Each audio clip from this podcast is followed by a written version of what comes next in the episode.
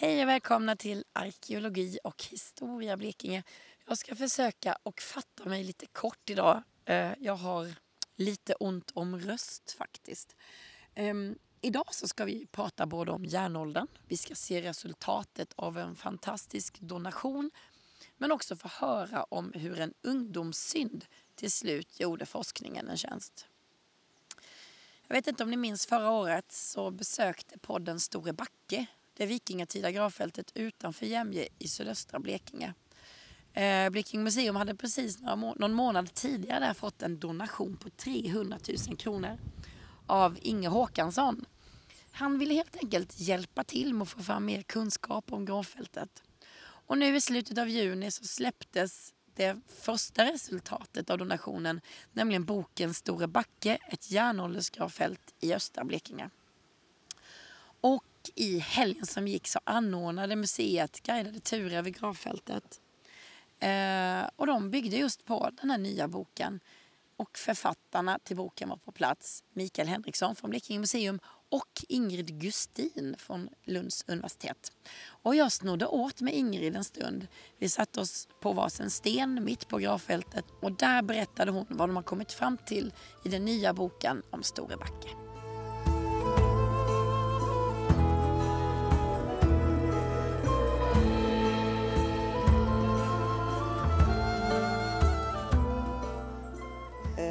heter Ingrid Gustin och jag är forskare och arkeolog och knuten till Lunds universitet. Mm. Och jag har jobbat mycket med eh, järnålder och vikingatid. Jag jobbade i flera år uppe på Birka, på Björke utanför Stockholm och var med på de utgrävningarna som gjordes i Svarta jorden mellan 1990 och 1995, 96. Wow! Som var jättespännande och en fantastisk upplevelse. Och eh, sen har jag på något sätt varit fast i vikingatiden sen dess. Vad är det med vikingatiden då som är så? Ja, men det är ju så. Dels är det ju en jättespännande tid som det har skrivits enormt mycket om och där man Skandinavien expanderar. Och det har gjorts, det har tolkats på massa olika sätt och under de sista 10-20 åren så har man gått tillbaks och tittat på igen på hur, hur eh, ett tag så var ju vikingatiden så väldigt storsvensk och det är det väl fortfarande delvis då. Men sen så skriver man om det här och försöker få det till en mer balanserad historieskrivning. Ja. Hur menar du då?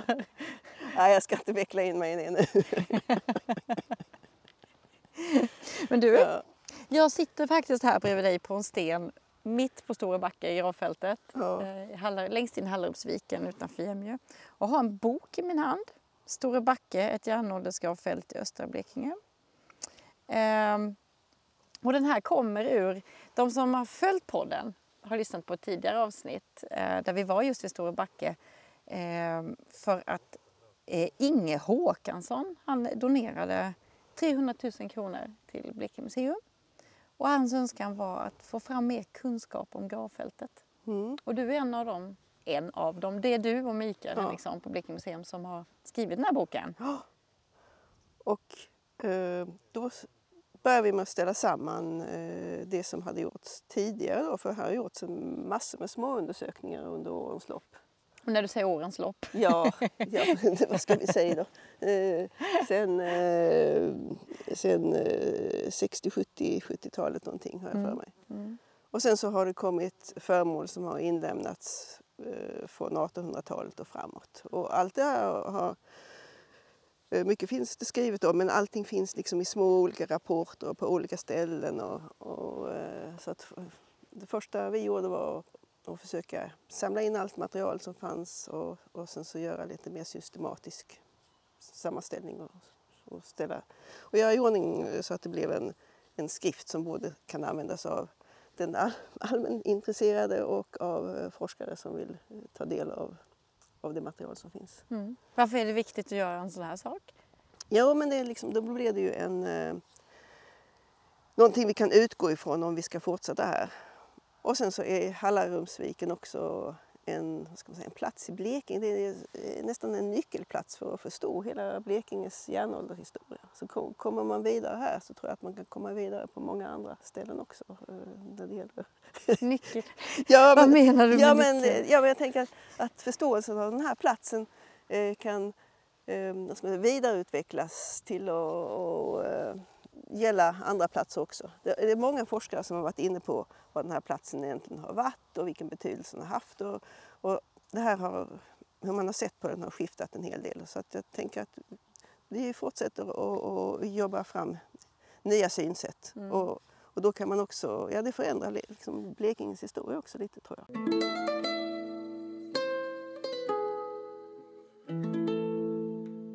Men pratar vi, när du säger så, är det hela Hallormsviken och ut här och östra skärgården eller vad är det, vi- vad är det för område? Nej, jag tänker lite så på, eh, ja, jag, jag tänker på hur den här platsen har fungerat och jag tänker på det här med, med eh, om det har varit en handelsplats eller inte. Och om, eh, Just det, för det hörde jag. Jag kommer ju härifrån, Ja. eller från Torhamn från början. Det har man ju alltid fått höra, att det var en handelsplats. Ja, och då tänker jag att, och det har liksom satt sina avtryck och man har hela tiden då, eh, eller under långa perioder letat efter andra handelsplatser också här. Var, var kan det ha funnits någonstans? Kan det ha va- varit eh, även bortåt eh, ja, de, de andra kustnära gravfälten så har det legat handelsplatser och så. Mm. För att det finns ju en, eh, en koppling då, till exempel på Birka då, att vi har handelsplatsen och sen har vi ett jättestort omliggande gravfält, Mm. järnåldersgravfält eller Viking gravfält. Så att, att tankegångarna har gått så här också en gång i tiden, det, det är inte så himla konstigt med det här fina läget och, och viken precis nedanför och så. Men vad är det som säger att det inte... Alltså jag tänkte mig då när jag väl ställde samman allt det här att ja, men de saker som brukar finnas på handelsplatser Mm. har inte kommit när man har met- metalldetekterat här nedanför eller, eller gjort sån här fältinventering. Mm. Alltså små, små silverklipp från handel. Eller små vikingatida bronsvikter. eller sån här hantverksmaterial. Hantverksavfall. Du, när, vi började, när vi stod upp från början här och började prata så pratade du om Günthers samling. Ja, Vad, vad är det? Vad, vad var det? ja Günthersamling. Det, det stötte jag på här då. Eh, hur var det nu? Det fanns en, I Karlskrona fanns det under 1800-talet en apotekare och någon, vad var han för någonting då? Oh, Läns, mm, ja, länshövding eller någonting sånt där. Som, som, ja, man hade ett intresse för, för fornlämningar och fornfynd. Mm. Och man, de här två personerna köpte då in då från, från traktens bönder. Och byggde upp egna sam, samlingar. Alltså, Som de hade hemma då? Eller? ja, ja, Okej. ja, men Ja, ja. Alltså det fanns ett, på 1800-talet så var det ju ett intresse då för, för, för äldre tider. Det fanns ju liksom den här göticismen och vad ska man säga, att det fanns sådana strömningar i samhället där man om det forna, att man ville värna om det. Mm. Och sen så uppodlades det en massa, precis som man gjorde här då, runt eh, de här ättehögarna då. Så att eh, då kom det fram föremål Ja. och de byggde då upp samlingar. Och sen så köptes de in av, av Statens historiska museum i Stockholm. Och när du säger sen, alltså först satt de på dem och Ja. hade dem som sin egen lilla, sitt eget lilla museum Mm, hemma då? mm. Och sen... Ja, eh, jag vet inte om det var när de dog eller jag vet inte varför de, Nej, de sen eh, gick vidare till Historiska museet i Stockholm. okej. Och vad såg man där då? Jo, men då, då, då um, katalogiserades det i Stockholm och sådär och så kom det in i deras rullor på vad de hade för fynd eller har för fynd. Mm. Och sen så när andra arkeologer har eh, undersökt gravfälten i vad det finns för fynd från gravfälten i Blekinge så har man då gått tillbaks dit och, och eh, listat de här också Mm. i sina förteckningar. Mm. Så då kunde jag gå in i de här andra arkeologernas förteckningar och så se och sen kunde jag leta vidare i Historiska museets eh, listor själv. Ja. Och, och då, det intressanta då var ju de här tid, bland deras fynd då som de här två männen lämnade in var ju de här balansvågarna, eller delar till balansvågar som kom. Jaha, och det är därifrån man kopplar det till handel då? Ja. Ah, Så, så då blev det ju ett fokus mot handel och den här platsen väldigt tidigt. Då. Men har man sett det på andra ställen också att de har sådana att man hittat sådana vågor och att det ändå inte varit en handelsplats? Eller var det mer som att var det, de jobbade med det? Eller? Mm, nej, nej, men de som sen undersökte och skrev om den här platsen de, de tänkte nog i de där banorna att har det funnits det var ganska många balansvågar utifrån liksom, den här lilla, lilla platsen ändå. Så de eh, började genast tänka då i det här handelplats. Just det. Men vad, och att, du, att du dissar hela den? Ja, men jag tänker då att, att de här andra typerna uh, av fynd då, som brukar komma när det gäller handelsplatser. Mm. Något borde vi borde ha kommit fram här nere när folk har gått och undersökt med metalldetektorer. Mm runt om här. Ja. Och det, man har inte hittat något sånt. Och, och, och, det lilla man har grävt ger inga kulturlager eller någonting sånt där speciellt här runt omkring och så. Men är det, är det en gravgåva då till någon som kanske ja. har ändå hållit på med handel? Ja, så, så tänker jag mig det istället. Ja. Man har rest ut med sina skepp och rest till andra handelsplatser kanske. Till exempel, man, eller om man tänker sig närliggande platser så så har vi Köpingsvik på Öland. Ehm, du har, det är inte så långt att ta sig ner till Bornholm eller ta sig vidare sen till eh, Hedeby i, eh, i, i det som ligger då nu i norra Tyskland. Då. Så, låg i Danmark på den tiden. Kanske i Blekinge har vi inte hittat så mycket material som, som uh, visar att det har funnits vikingatäta handelsplatser. Så man kanske ska tänka sig att handeln har fungerat på ett annat sätt här och att man kanske har åkt ut mer till andra platser. Mm. Eller någonting sånt. För, för, det mönstret finns på Bornholm. Så jag tänker att det kan ha funnits något liknande mönster här. Då. Jaha, ja, precis. Att man har åkt härifrån men man har varit handels driver man, antingen har man, man haft, driver handel fast ja. på eh, annan ort så att säga. Och man, kan, man har drivit kanske med sina överskottsprodukter från, från ja, det området där man hade sin gård eller så har man kanske varit, gjort det på kommission från andra som ville mm. sälja sina grejer och så har man fått en del av vinsten för när man har åkt ut och sålt det. Mm. För de som hade skepp det var nog de som var ganska mm, ja, då, då satt man på, på ganska, var väldigt väl situerad han, tänker jag mig. Mm. Mm. Men här utanför nu då eh, så vet vi att det finns pålspärrar, mm. fornborg mm. och så. Vad, hänger det ihop på något vis? Eller vad tror du? Ja men det, var det, det är ju det som är lite besvärligt att, koppla ihop till den här platsen för den här sträcker sig fram till slutet på, gravfältet sträcker sig fram till slutet på 900-talet. Mm. Pålspärrarna de C14-dateringarna man har fått visar att de är senare. De är inte från 1000-tal och 1100-tal. Så det är lite svårt att, att, att, koppla ihop det direkt. Och sen så har vi de här eh, böteplatserna och, och det här vårdkasesystemen som, som nog har funnits. Men exakt när i tiden det tillkommit, det, det vet man ju inte. Nej, kan du berätta lite mer om vad är det, vad är det exakt? Vårdkasesystemet? Ja, ja. Ja, men det känner man till uppifrån Mälaren också. Att när det har, man tänker sig så att när det har kommit fientliga skepp mm. så har man på vissa strategiska platser haft förberedda stora mm, bålplatser ja, eller vad man ska säga, ja, som man bara har kunnat tända fyr på. Mm. Och sen har man då sett eh, i fjärran att, att nu, nu brinner det, nu, nu är det stor eld. Ja, ja och, och, då går larmet och sen så, så tänder nästa plats sin vårdkase mm. och så nästa och så nästa och sen så kan de ute, ute på öarna och sen så kan de inne på land se att nu är det fara och färde och så kan man förbereda sig. Mm. Ja, för jag hörde någon tidigare här, vi har ju haft en liten rundvandring ja, innan, men ja. eh, Varö som jag vet ligger precis rakt ut här. Var det någonting med namnet? Jag ja, är så jag, dålig på ja, namn. Alltså, jag har för mig att man nämner VAR också som, som, eh, som, som del i VAR-namnen. Att de också kan indikera det här med vårdkassan. Okay. Mm. Och fornborgen? Ja, den är också besvärlig att lägga in i när man ska lägga in det i det här pusslet. Mm. För fornborgar, där, där, finns inga, man har inte hittat några fynd, man har inte undersökt så där jättenoga. Nej. Så då kan man inte säga när när den har varit befolkad eller vad man ska säga. Mm.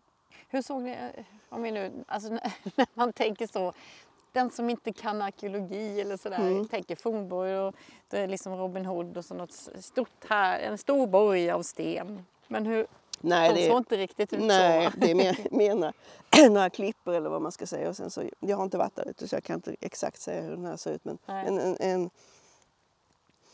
eh, det är en plats där man har väldigt eh, vid utsikt runt om och där mm.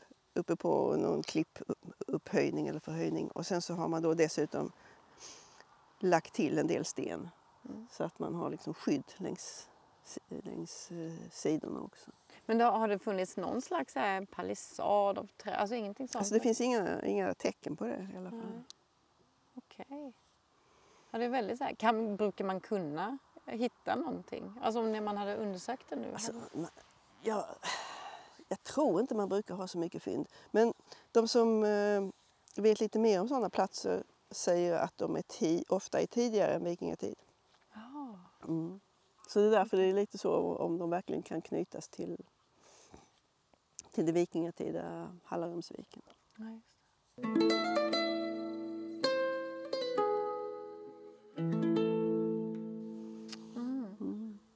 Vi sitter här mitt på gravfältet. Eh, och jag har boken här. vad, vad, är det du, vad har ni kommit fram till? Eller har ni fått några har ni fått svar på några frågor i den eller har det bara ställts fler? Ja, men jag tycker att, att de här fantastiska fynden som kommer härifrån, att de är väldigt speciella. Att de är, håller ju jättehög kvalitet och är väl, en del är helt unika. Att, när du säger alla de här fina fynden, vad, ja. vad är det? Ja, jag tänker på de här eh, romerska eh, guldmynten då, som eh, ligger i eh, i, vad är det nu, är det 400 och 500-tal. Mm. Två stycken och det är väldigt mycket från en, en plats. Att det kommer två sådana. Är det, har båda legat här? Eller? Nej, den ena kommer ju uppifrån äh, byn här uppe. Ja, just det, det är den som är ett havsmycke. Ja. Aha, just det. Och sen så kommer det en andra äh, här i närheten av gravfältet. Mm. Den, den, typen, det finns ju bara i Sverige finns det kanske en 6, 7, 8 fynd av, av just den Oj. typen. Ja. Att, äh, ja. Och vad kan det betyda? Alltså, vad... Ja, och de fanns väl på var det Öland eller Gotland. Uh, ja, kanske att... att uh, ja, man brukar ju prata om, om de här guldmynten, om, om det är gåvor eller om det är folk som har haft tjänst nere i, mot romarriket eller hur de har kommit upp. Mm. Um, men, men vad, man, vad det kan betyda är väl snarare då att, att det har redan vid tidigt här då, 4, 5, 600-talet funnits någon eh, lite mer ja, en inflytelserik släkt kan man väl säga, eller en släkt med, med, med för, vida förbindelser. Så får man kan man nog se det.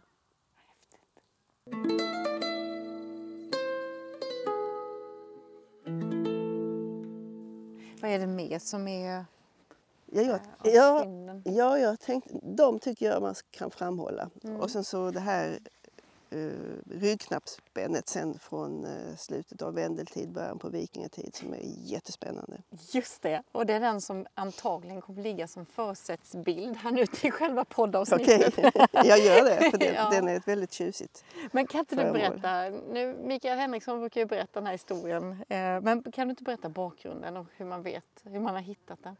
Ja, det lämnades in då till Blekinge museum eh, i delar då bara. Och det var någon som hade hittat det här ute för länge sedan, eller ett, eh, på 80-talet tror jag. Mm. Och sen så um, haft dåligt samvete för det hela tiden fram till nu. Då. En ungdomssynd ja, en ungdomssynd och, och sen lämnat in det till museet. Då. Ja, ja. ja. Och eh, Mikael blev eld och lågor kan man säga. För det här var ett, ett fantastiskt fint föremål. Och ett ryggknappsspänne, eh, det finns både små och stora men det här är i storlek ett av de största i Sverige. Wow. Och det är gjort av brons och sen så är det då eh, guldtäckt. Guld förgyllt. Jaha, så det är brons i botten och ja. guld uppe på? Ja, eller, för, wow. man har förgyllt ytan. Förgyllt. Så att, ja. Wow. Och sen så har det då haft inläggningar av granater. Och det här med granater och guld det gör att när ljuset träffar granaterna och det ligger guld under så gnistrar det här och, och flammar. Wow. Och man tror då att de här ryggknappsspännena har en anknytning till eh, Freja och kulten av, av gudinnan Freja och, och fruktbarhet. Och det är då Och Freja, är ju, eh, ingår i, i, som gudom i den eh, fornnordiska mm. mytologin. Och hon, vet man, hade ett flammande smycke som hette Brisingagaven. Det flammande, och det betyder det flammande smycket. nej vad häftigt. Wow. Ja, och sen så eh, har man då gjort en massa olika uttolkningar av vilken roll de här stora ryggknappsspännena kan ha spelat. Mm. För de är så stora så att de kan, man kan inte ha burit, dem till vardags eller fest utan antagligen har det varit eh, ja, sällsynta tillfällen eller ingått i ri- ritualer. Och man tänker sig att det har varit ritualer förknippade med Freja. Men, men äh, det är ju... Alltså det måste vara ett fynd med rätt stor tyngd. Ja, jo, det, jo verkligen. Och, och speciellt, alltså, det har forskats väldigt mycket om sådana här ryggknappsspännen under senare år. Och det har Mm. skrivits en massa intressant om dem. Och det är norska arkeologer som har, har eh, skrivit mm, väldigt spännande saker. Så att, eh, ja, och göra de kopplingarna hitåt då också är, är intressanta. Och när du då, nu måste jag bara, när du säger spännande saker och kopplingar hit, Ja. vad, är det, vad är det för spännande Ja, saker? jo, vad men- säger de? Jo, men det här med att eh, de talar ju om det här med, med Freja-kulten då. Att det har antagligen funnits någon högättad kvinna här då som har kanske varit den som har ingått och hållit i, i eh, fruktbarhetsritualer och så. Men den hittades ju längst ner på gravfältet här, va? i Mm. en, eh, en domarring. Ja, och Mikael var ju inne då på att eftersom det här smycket kom i små delar, att man hade destruerat det före man alltså förstört det Mm. innan man la ner det. Och det vet man, det, har inte bara, det är inte plogen eller så. Nej, utan det här är, har inte sådana skador alls. Och det är tydligen rätt ofta då som just de här ryggknappsspännena, när de hittas, att de är då eh, på något sätt, att man har delat dem i mindre bitar och så. Ja, vad, vad, ja, vad, ja, vad, ja, vad ja. beror det på? Ja, det, det kan man inte riktigt säga. Men, men frågan är då om det är till exempel som vi var inne på här när vi diskuterade att det har, kan ha att göra med att, att det är nå- någon ett som har dött ut eller ja, någonting sånt. Ja, För det här handlar, handlar också om, om att de här kvinnorna kan ha varit traditionsbärare och, bunnit, och burit på kunskap om ättens bakgrund och liksom gen, vad heter det? släkttavlor och sånt här. Wow. Att det var väldigt viktigt att hålla reda på det. Och, och väldigt viktigt och, och det här med vilka kopplingar bakåt man hade. Och kanske hade man eh, dessutom vävt in vissa mytologiska kopplingar och sånt där. Mm. Ja. Det känns ju... Gud vad Ja, spännande. så de här ryggknappsspännena är högintressanta föremål. Och dessutom är det så vackert det här spännet. Det är så otroligt fint konsthantverk. Det är så vacker djurornamentik. jag hade någon bild på det här. Ja just det. Det är tio delar skulle Mm. det vara. Kan, inte du, kan du inte bara beskriva för den som lyssnar hur Ja. ett sånt ungefär ser ut då? Ja, det heter ryggknappsspänne för att det har en rygg, en båge. Och på varje sida av den här rätt höga bågen så det, finns det två utskjutande delar och de har då varit belagda med, med granatinläggningar. Och uppe på bågen så sitter det då en stor platta eller knapp. Kan man, Mm. Därför heter det ryggknappsspänne. Och den knappen har också haft de här granatinläggningarna. Så det har verkligen gnistrat om hela det här föremålet. Och hur stort? Ja, 25 eller 28 centimeter. Så det har ju liksom varit otympligt. Alltså man har- kan se från andra bilder då att de här har burits under hakan då. Att kvinnor har haft det som, när de väl har kunnat ha det på sig, att det har suttit så högt uppe. Men det här har ju, har ju varit alldeles för otympligt för att egentligen kunna sitta så någon längre tid i alla fall.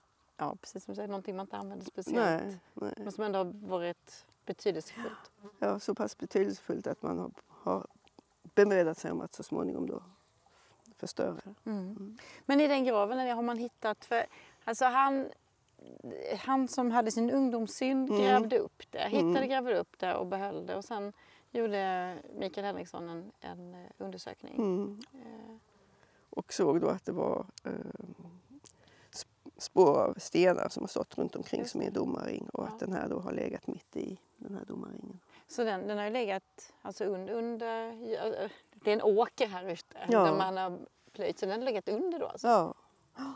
Wow. Mm. Och ingen människa, alltså inget, inget spår av... Nej, inte, alltså nu grävde de väl bara ut en liten del av den här domarringen då, men, eh, men inga andra. Men tror man att det är en, att, eh, att hon som har burit detta också har begravts där då? Ja, det, det kan jag det vet jag inte. Vet inte. Mik- Mikael var ju nog inne på att det här var mest var själva smycket då som låg i den här. Men det vågar jag inte svära på. Nej. Hur många sådana här finns det i Sverige? Vet man det? De är, de, är, de är rätt vanliga på Gotland.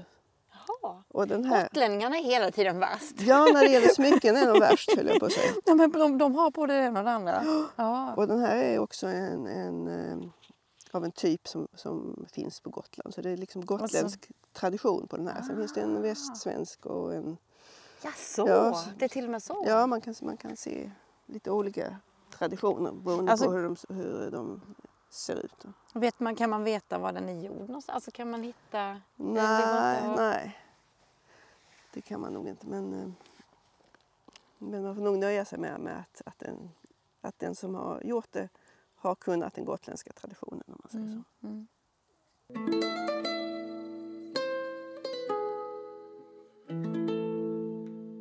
Men eh, som den här boken, den är ju en del i... Jag vet att det finns fler pengar kvar eh, från eh, Inge då.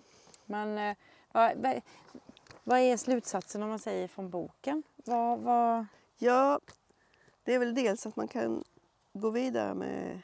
Ja, det finns massor med olika typer av undersökningar som kan ge mer utan att man nödvändigtvis behöver gräva. mm. Men det har ju naturligtvis också varit intressant. Men det som man först och främst kan gå vidare med är, som är ganska enkelt och inte så dyrt, det är metalldetektorundersökningar. Att man går mer eh, på fälten här runt omkring och ser om det då ligger föremål kvar Ja, på åkern. ja. Och, Och sådana här så- georadar, eller vad heter Ja. det? Är det? Och det hade ju varit jätteintressant också för då kan man få de här strukturerna som man inte ser i matjorden, det plöjda, utan det som finns under kan man kan då avteckna sig. Och då kan man se vad finns det för, eh, kan, kan till och med urskilja vad är det för typer av gravar, var ligger de, Mm. hur många är de, hur långt ut har gravfältet sträckt sig. Ja. Det är massor med intressant. Det finns här huslämningar, så det finns brandplats, bålsplatser. Mm. Man kan nog skaffa sig en mycket, mycket mer detaljerad bild av det här området. helt Mm. Men du då som är så luttrad och har varit med och Birka och allt. Vad, när du, nu är du ju på den här platsen, du har ju skrivit om den och så och läst. sådär, Men vad, vad, har du någon känsla för hur, hur, stort det är? Alltså inte gravfältet i sig men liksom platsen. För du har ju också varit inblandad i Öppenskär. Eh, Det finns ju också avsnitt Mm. i podden. Just det. det Ja, du tänker vilken arkeologisk betydelse den har? Eller vad Ja, eller hur det var. Ja, alltså platsen även då när det begav sig, järnåldern och det. Alltså vad... Nej, men jag tänker mig nog då att det här har varit en gravplats för en eller flera storgårdar som har legat lite längre uppåt här då, Mm. i, kring de här byarna, Hammarby och, och Hallarum och Binge kanske. Och att, man, och att de, de miljöerna är också jätteintressanta för där vet vi knappt någonting. Vad, vad finns det för, för någonting kvar där uppe av, Mm. ja, av, av det vikingatida helt enkelt. Och det är där, de här storgårdarna, det är ju där de här personerna med, har bott och verkat. Mm. De som har eh, burit de här eh, fantastiska smyckena och de som har ägt de här eh, guldmynten och de som har varit ute på handelsresor. Mm. Så de miljöerna tycker jag hade varit jätteintressanta att gå vidare med.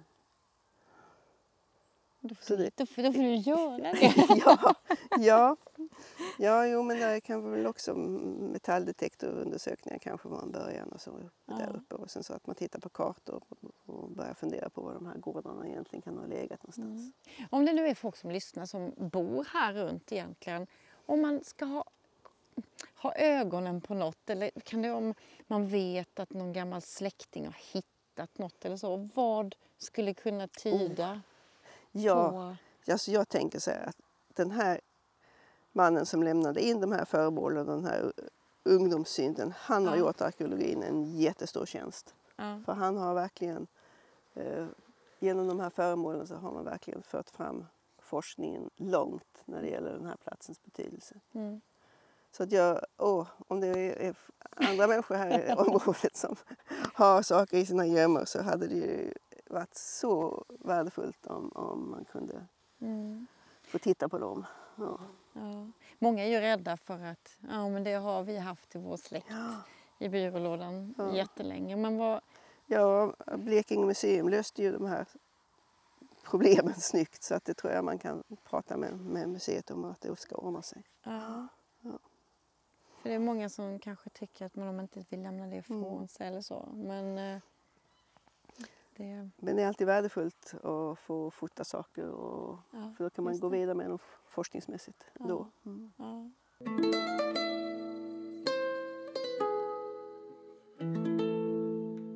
Vilken plats det är va? Ja. Det är så härligt här. Finns det någonting mer som du eh, känner sådär? Som tillhör historien här? Som, ja, men jag Berätta. tänkte på, på de här eh, som jag tycker är jätteintressanta föremål också som eh, är från vikingatid som visar på att den här platsen ingick i de här stora nätverken för, som, som kom under vikingatid. För att Mm. då kom ju det här med, med att man hade segel och skepp som kunde färdas långt och man var, skandinaverna var ju jätteduktiga eh, seg, seglare och, och eh, båtkunniga ja, just det. Ja, vi har ganska långa kuster ju. Så att- Ja, så att man, speciellt de här trakterna kan jag tänka att man var redan då var väldigt goda sjömän helt enkelt. Mm, mm. Och då tänker jag, ja och, så, och, och, och skandinav, skandinaverna var det överhuvudtaget och man hade seglen och, och man kunde färdas långt och man hade sätt att navigera och så vidare. Mm. Och kunde både ta sig över öppet vatten och längs floder och så. Och här finns, så att un, under vikingatid så blev det en handelsboom och man ser verkligen på hur skandinaverna färdas utåt, både västerut och österut. Och ja, till Irland till exempel, och jag menar Island och hela Newfoundland och, och österut ända ner mot Svarta havet och så. Mm. Men det som är intressant här då är att vi har föremål, två föremål som är lite speciella. De flesta föremålen som kommer härifrån eh, har liksom kommer från Sydskandinavien kan man säga. Men de här två föremålen, där hittar man paralleller. Ett kvinnosmycke är, är, har en enda känd parallell och det är, finns i en, i en grav, skandinavisk grav som ligger utanför Tromsö, Tromsötrakten i Norge. Mm. Så allra längst nordväst ut i Norge. Och det andra föremålet är en liten mansansikte i brons som har suttit på en dräktnål. Och parallellen därifrån kommer ner från Ukraina. Oj! Så att vi har både liksom föremål härifrån som sträcker sig nästan så långt nordväst som man kan komma och ett som sträcker sig, som finns Nej. parallell till nästan så långt sydöst som, som liksom det skandinaviska eh, ja, mm, bosättningarna har funnits. Vad, vad, kan, vad, vad betyder det? Jag tänker mig att man alltså, indirekt eller direkt så hade man här då var man med i de här ja, i handelsnätverken och liksom de här eh, långväga kontakterna som Mm. utvecklades. Att man var liksom del i, i den miljön kan man säga. Vet man sådana handelsvägar? Alltså har man kunnat utkristallisera något, något tydligt, alltså tydliga handelsvägar från den här Från tiden? vingetid. Ja, men det Ja. lite kan man ju göra det. Eh, Man ser ju liksom längs de ryska floderna vet vi lite var, de skandinaviska föremålen finns. Mm. Att de finns längs Dnepr och ner ända till Och det är just föremålen man följer i sådana fall? Ja, och sen längs Volga finns det också föremål som går ner mot dagens Kazan och lite söder om. Mm. Så där kan man ju se då att, att skandinaver har, har bott och, eller vistats i alla fall. Mm. Kan det vara byte, alltså att man har bytt till sig det också eller? Ja, det kan det ju vara. Fast jag tänker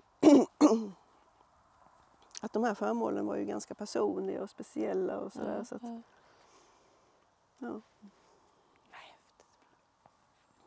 ja. Det kan Ja, ju vara att- gåvor och sånt också förstås. Men Mm. just att man har då även- även ändå ingått i de här eh,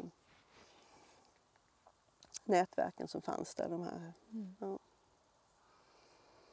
Och att hela att vikingatidens nätverk var så vitt brett. Det är liksom verkligen eh, fascinerande. Ja, för man har ju oftast hört att svenskarna, ja men de drog neråt liksom Mm. Östeuropa, dagens Östeuropa och de i Norge och det, de, de var liksom mer västerut. Ja, men då har, de här har ju ändå Bägge, bägge. Båda då. På något sätt ingått i båda, liksom de, eh, Båda de sfärerna kan man Ja, säga. ja. Mm. Åh, vad häftigt! Här bor jag! Ja, det måste få en fortsättning det här. Vi vill ju veta mer.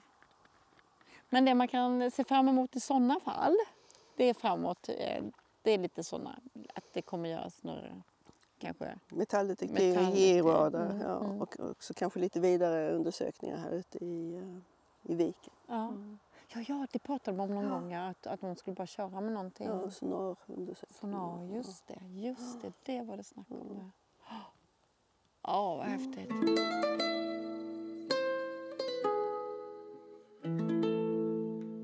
Ja, det är ju jättehäftigt här. Och jag blir så... Jo men det är alltså ekarna, det är lite fornt landskap Ja, ju med ekarna och så. så Ja. det här stenpartiet och de här eh, Ja, det är en värld. och så utsikten mot, mot viken och Mm. glittret i vattnet. Och bara om nu om några månader när, när alla löven försvinner så ser man hela Hallandsviken. Då, jag brukar ställa en fråga ibland till de jag pratar med. Lite så. Om man nu kommer hit och sätter sig här och så lyssnar man på den här podden och så. Men vad tycker du? Vad ska man, hur ska man ta sig an den här platsen om man besöker den? Var...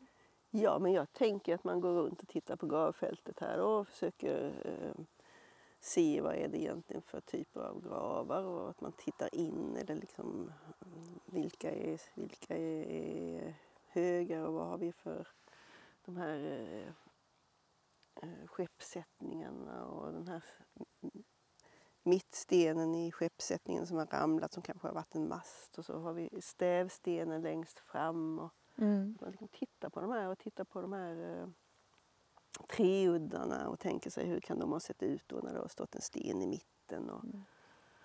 och den här tankarna om att, de här, att det kanske har varit ett träd en gång i tiden som man har på något sätt ingått i någon kult. Och, Mm. Att man liksom målar upp det här kanske lite framför sig hur det Och storleken, du nämnde faktiskt det tidigare, inte här nu i podden, men Ja, nu, hur, många, hur många är det nu synliga gravar? Det är 20, ungefär. Ja. Ja. Och du har gjort någon uppskattning? Ja, och det vet jag knappt om jag vågar nämna för att, för att de är så... Att det där är så, så det, men det, det behöver inte alls stämma. Men jag gjorde en, eh, bara för, för någon typ av uppskattning så, så räknade jag på att ja, men om det på den här ytan eh, finns 20 gravar då och om man då tänker sig hela det område som nu är inprickat som fornlämning Mm. hur många gravar skulle det då ha kunnat ha funnits där om de legat lika tätt som, som den här täta ytan här uppe. Mm. Och då kom jag fram till eh, runt 100 eller någonting sånt där. Men ja, det, det var bara för att ge mig själv någon typ av väldigt... Ja, men, och, och, om vi Idé låtsas, om det hela. Ja, men vi säger då att det är ungefär 100 eller 75 eller så. Eh, är det stort, mycket eller lite? Alltså de, störst, alltså de största som finns här i Blekinge idag då är tror jag på 200 om Mikael räknar på något sånt där. Wow.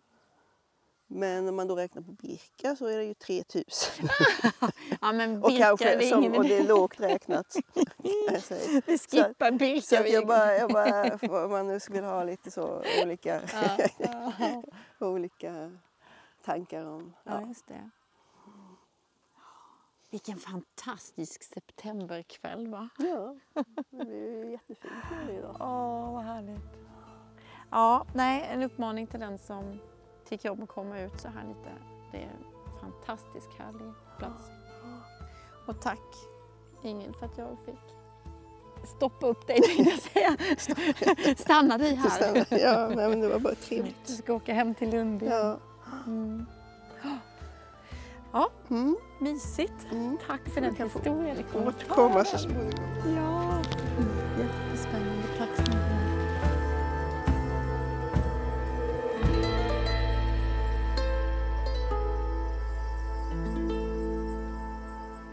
vad spännande det här är med arkeologi och projektet kring Store Backe och, och ja, hela Hallarumsviken för den delen. Och skulle du vilja hjälpa till att förlänga projektet eller bara är väldigt, väldigt sugen på att få läsa boken om eh, Store Backe så går det att köpa den för 120 kronor. Och det kan man göra antingen eh, på museets reception i Karlskrona, Grevagården där, eh, på Föremålsmagasinet i Rosenholm eller så tror jag också att det går att köpa eller att beställa den från eh, Östra Blekinges hembygdsförening i Jämjö. Och som sagt var, alla intäkter går direkt tillbaks in i projektet igen. Och som du hörde så kom en olaglig handling till slut forskningen till nytta. Och med det sagt så är det inte okej att varken gå med metalldetektor eller eh, göra något slags intrång i en fornlämning. Däremot så vet jag och kanske du att eh, folk har hittat saker eh, under historiens gång. Och vet du med det att du har hört talas om det? Eh, att eh, någon äldre släkting eller så har sparat någonting i en byrålåda så vill jag bara säga att varje pusselbit i de här pusslerna är viktiga. Så skulle det vara så att det finns någonting i gömmorna som antingen kan bygga på det här pusslet i Store Backe och i Hallarumsviken eller någon annanstans så kan man eh, ringa antingen eh, museet, sitt länsmuseum eller eh, Länsstyrelsen. Så kanske, kanske tillsammans att vi kan bygga vidare på de här spännande pusslen om hur våra förfäder hade och vad de gjorde och hur de verkade. Och du, vill du höra fler avsnitt i den här podden så hittar du dem där poddar finns. Nu ska jag vara tyst ett litet tag och så tack för att du har lyssnat.